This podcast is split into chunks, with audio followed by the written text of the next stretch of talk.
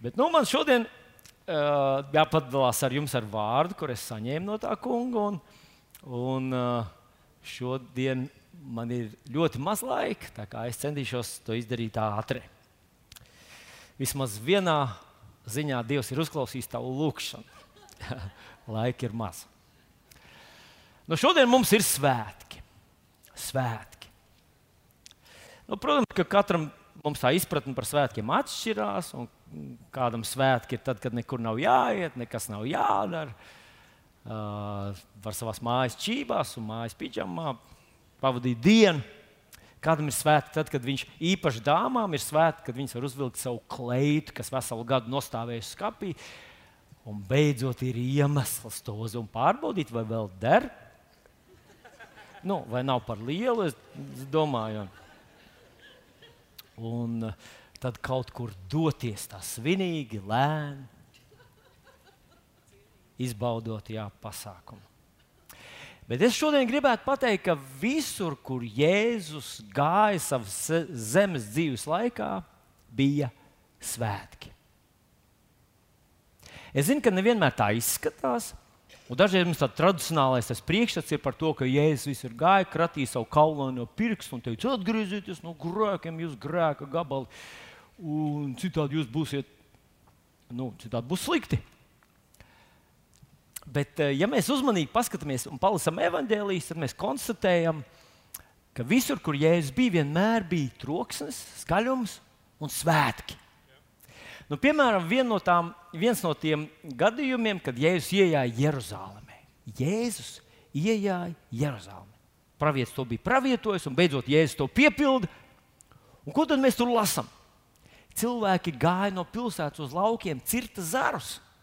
Labi, ka vēl toreiz nebija Eiropas Savienības likuma, un visi tie zaļie un, un visas tās kustības vēl nebija. Ja? Un Jēzus arī neiebilda, kur jūs veči nesat tos zarus. Jēzu, tas ir noslēpums, Tu redzēsi. Un tad viņi nostājās gar visu ceļu, kuru Jēzum bija jāiet. Un tie, kam nebija zari, ko viņi darīja? Viņi vilka no savus kurtkas mēteļus, apmetņus un izklāja tos uz zemes. Un viņi kliedz un sauc, Azijāna, Dāvida dēlam. Tur bija, tas bija tāds tusiņš, ka to varēja dzirdēt un redzēt tālu. Tā tad Jēzus atnāk mūsu pilsētā un sākās svētki. Bet tu varbūt teiksi, nu jā, nu, jau, tas jau tikai viens tāds gadījums, kad Jēzus ienāca Jeruzalemē, un tāpēc jau mums ir tā zaļā ceturtdiena. Ja? Zaļā ceturtdiena ir tā, nē, palmu svētdiena ir tā, kad mēs ar tām palmām un, un pūpoliem ejam uh, atzīmēt šos svētkus. Bet paklausieties, rekāds gadījums uzrakstīts Mateja Evanģelijā 21. nodaļā. Un tas ir interesanti, ka tas nenotiek kaut kur pļavā, kaut kādā tādā nu, pie ezera, tukšā vietā. Tur tas skaidrs, cilvēki tur klaigāja, un tie jau bija emocionāli ebreji. Un, un tad, ja es tur dziedināju, vienu paēdināju, citus, es domāju, tur bija tāds, tāda sajūsma, ka mums ar jums būtu grūti viņus pārspēt. Ar visu to, ka mūs uzskata, ka mēs esam netradicionāli kristieši. Mēs esam tā, tā prieka vēsts. Mums būtu grūti pārspēt parastu tādu ebreju uh, grupu, kur vidū ir Jēzus. Nu, re, tas uzrakstīts Mateja Evanģelijā, 21. Nodaļā, un mēs lasām šeit, ka tas notika vēl templī. Skatieties, 21. nodaļā Mateja Evanģelijas. Augstie priesteri un rakstu mācītāji redzēja brīnuma darbus, ko viņš darīja un dzirdēt bērnus templī kliedzam un saucam. Ko tad viņi kliedz un sauc? Palīgā! Nē, viņi kliedz un sauc Oziāna, Dāvida dēlam. Tas tā kā halleluja! Tā kā halleluja! Slava Jēzum! Mēsijā! Jā, nu, ļoti mums kādu laiku atpakaļ bija tāds puisis, kurš tādā pēkšņi tādā pārvērstā balsī varēja iebrēkties kaut ko un izbiedēt dažus apkārt sēdošos. Bet te ir atzīmēts, ka bērni kliedz un sauc. Tā bija patiesa sajūsma. Tas nebija kaut kas uzspēlēts, kaut kas iestudēts un likts. Viņi vienkārši redzēja, ka Jēzus darīja brīnums zīmes. Viņš dziedināja, viņa māmiņa pēkšņi atguva redzi, vai viņai pārgāja asiņošana, vai beidzās kaut kas šis vai tas. Un cilvēki tajā laikā dzīvoja ļoti smagos apstākļos, ne tā kā mēs ar tevi. Strādāja ļoti smagu darbu, ļoti daudz bija slimība. Un Jēzus tās visas dziedināja. Es nevaru iedomāties, kā tas izklausījās ka viņš vienā gabalā gāja no ciemu uz ciemu, no pilsētas uz pilsētu, un visur viņš sludināja, ēdināja un dziedināja.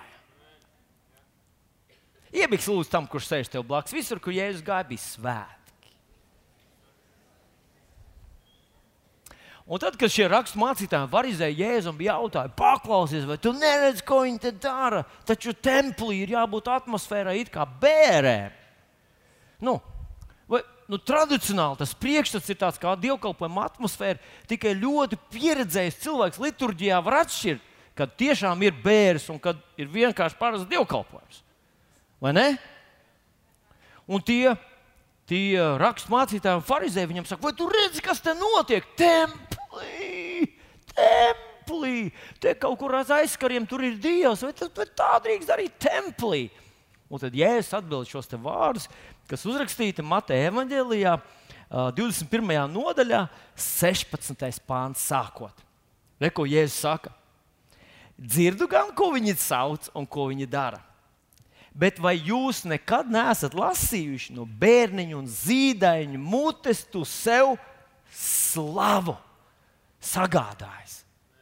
Vai jūs nekad neesat lasījuši no bērna un zīdaiņa mutes, tu sev slavu sagādājis?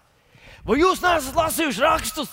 Tie taču bija rakstu mācītāji un farizēji, bija tieši tie, kas studēja rakstus uzmanīgi. Vai tad jūs nelasījāt, ka Dievs sagādāja šo slavu no bērnu zīdaiņa mutes?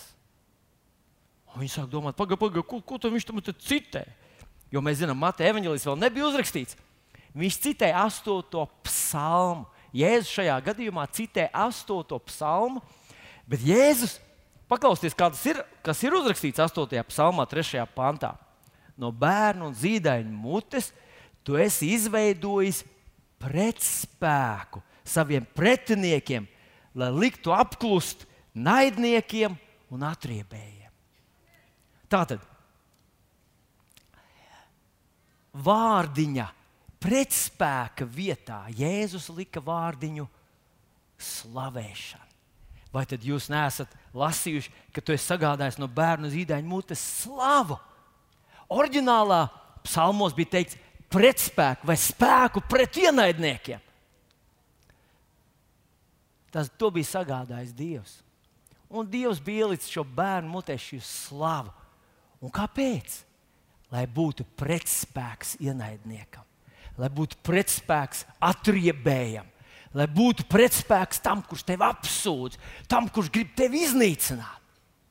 Faktiski Jēzus sacīja tā, ka draudzene vai kristietis, kurš slavē to kungu, kurš svin svētkus, kurš priecājas par to, ka Jēzus ir ar viņu, un te tāds parasts, mīsīgs tusiņš, tāds gastronomisks tusiņš, kā mēs varētu nosaukt tādu vienkārši, kad mēs sanākam kopā uz dārza svētkiem un kāds cep gaļu. Un gaļa smaržo un kairina mūsu visus tos receptorus. Mēs sakām, vai cik labs dārza tusiņš, kādi svētki. Tie svētki atšķirās no bibliskiem svētkiem. Šie bibliskie svētki, viņi slavē par to, ka Jēzus ir ar viņiem. Jēzus ir pie mums. Un tas ir tas, ko Tēvs bija sagatavojis. Sagatavojis tāpēc, lai apklustu cinātu ienaidnieku un atriebēju un pretinieku. Tas nozīmē, katru reizi, kad tu, piemēram, iesāc, tu atrodies kādā nopietnā situācijā un tu sāc dziedāt, piemēram, šo dziesmu. Mans Dievs ir varens, Dievs viņš valda pār zemi. Un, un kā tur bija tālāk? Eh, es vēl pirms tam izmēģināju, domāju, atcerēšos. Man Dievs ir varens, Dievs viņš valda pār zemi no sava troņa, gudrība un mīlestība. Vēlnam sākās galvas sāpes. Tas ir burtiski tas, ko viņš tur saka. Ka tikko tu sāc slavēt Dievu, tu apklusini un apstādini pretinieku. Jūs zināt, kāpēc Jēzus gribēja, lai mūsu dievkalpojumi nav bērns, bet lai tās ir svinības. Un mēs ko tad svinam? Nu, mēs uzcēlām māju, bet tas vislielākais, ko mēs svinējam, ka Dievs to iesāk, Dievs to piepildīja, un Dievs ir ar mums. Un tas ir, zinu, dažu cilvēku dzīvē vēlams jūtas samērā komfortabli. Bet ir tādi, ka dēmons saņem kārtējo nosūtījumu uz šā cilvēka dzīvi. Tad saka, ah, vai es nevaru kaut kur doties citur? Jo tas cilvēks no rīta atver acis, uzreiz saka, halleluja, halleluja, Dievs man palīdz, halleluja! Redzi, ja, ja, ja mēs ar tevi nu, esam tādi smagnēji. Man saka, pareizi, pareizi, turpini, turpini, vai tu, tu nejūti, cik tev ir grūti. Tev, te, tev vienīgam šitā smagā dzīve jāvelk uz priekšu. Un, ah, ah, es jūtos slikti. Un tad atnāc uz draugu, un mācītājs saka, naudas nav. Un saka, man jau tā bija slikti, palika vēl sliktāk. Un vēl saka, man ir svētki. Īsnībā ir tā, Kad tu svini svētkus, vēlnam ir slikti. Kad tev ir slikti, vēlnam ir svētki.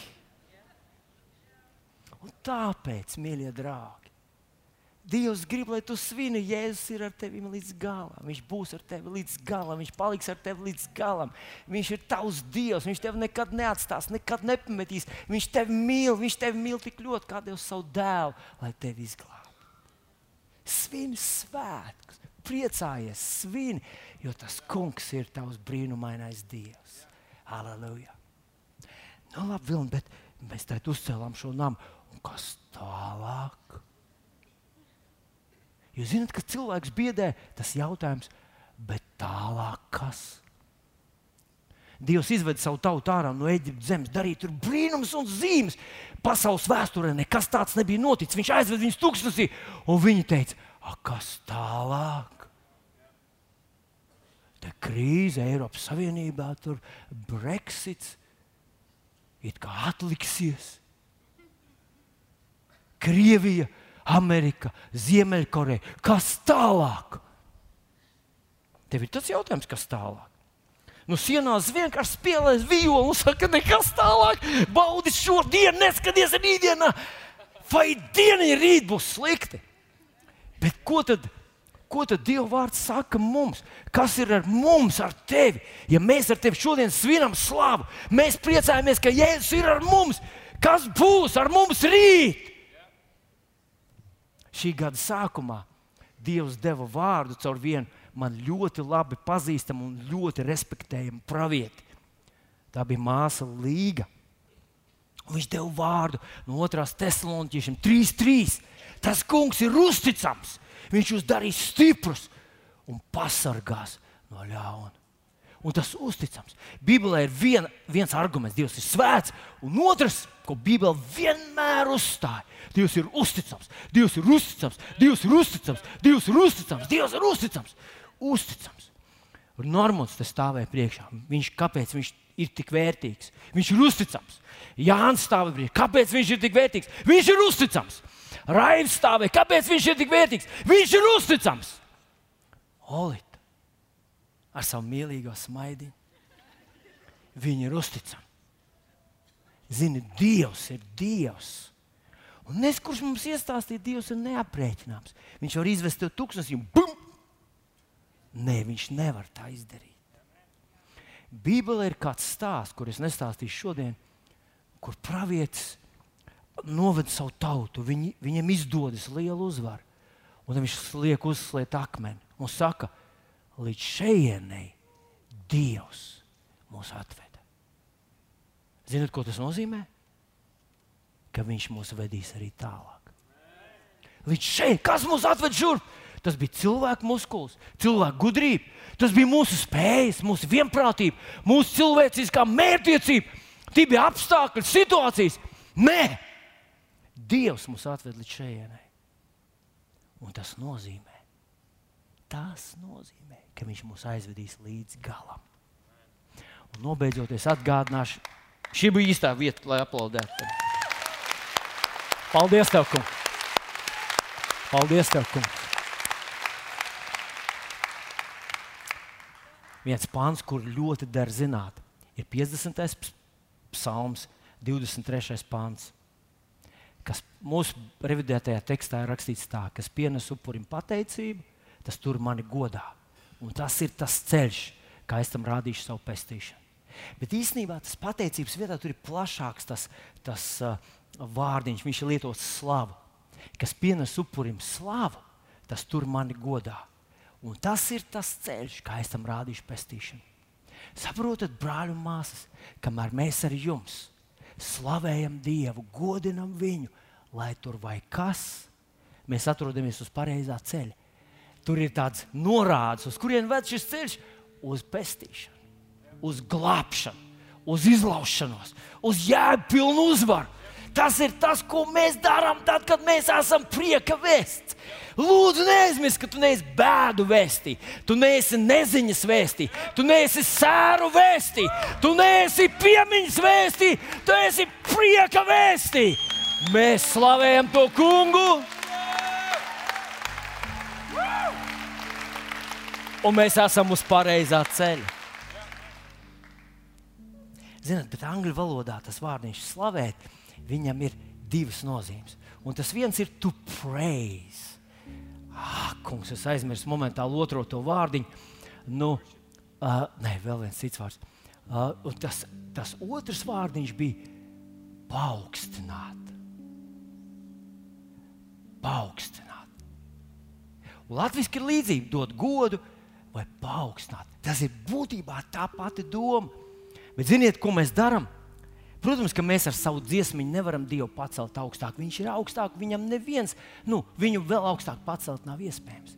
Bet tad, kad tu un es, kad mēs slavējam viņu, kad mēs viņu paaugstinām, mēs viņu paaugstinām tajā savā dzīvē, tajā savā, mm, nu, kā lai to nosauc, tajā ķēdē vai tajā, tajā hierarhijā, kas mums ir.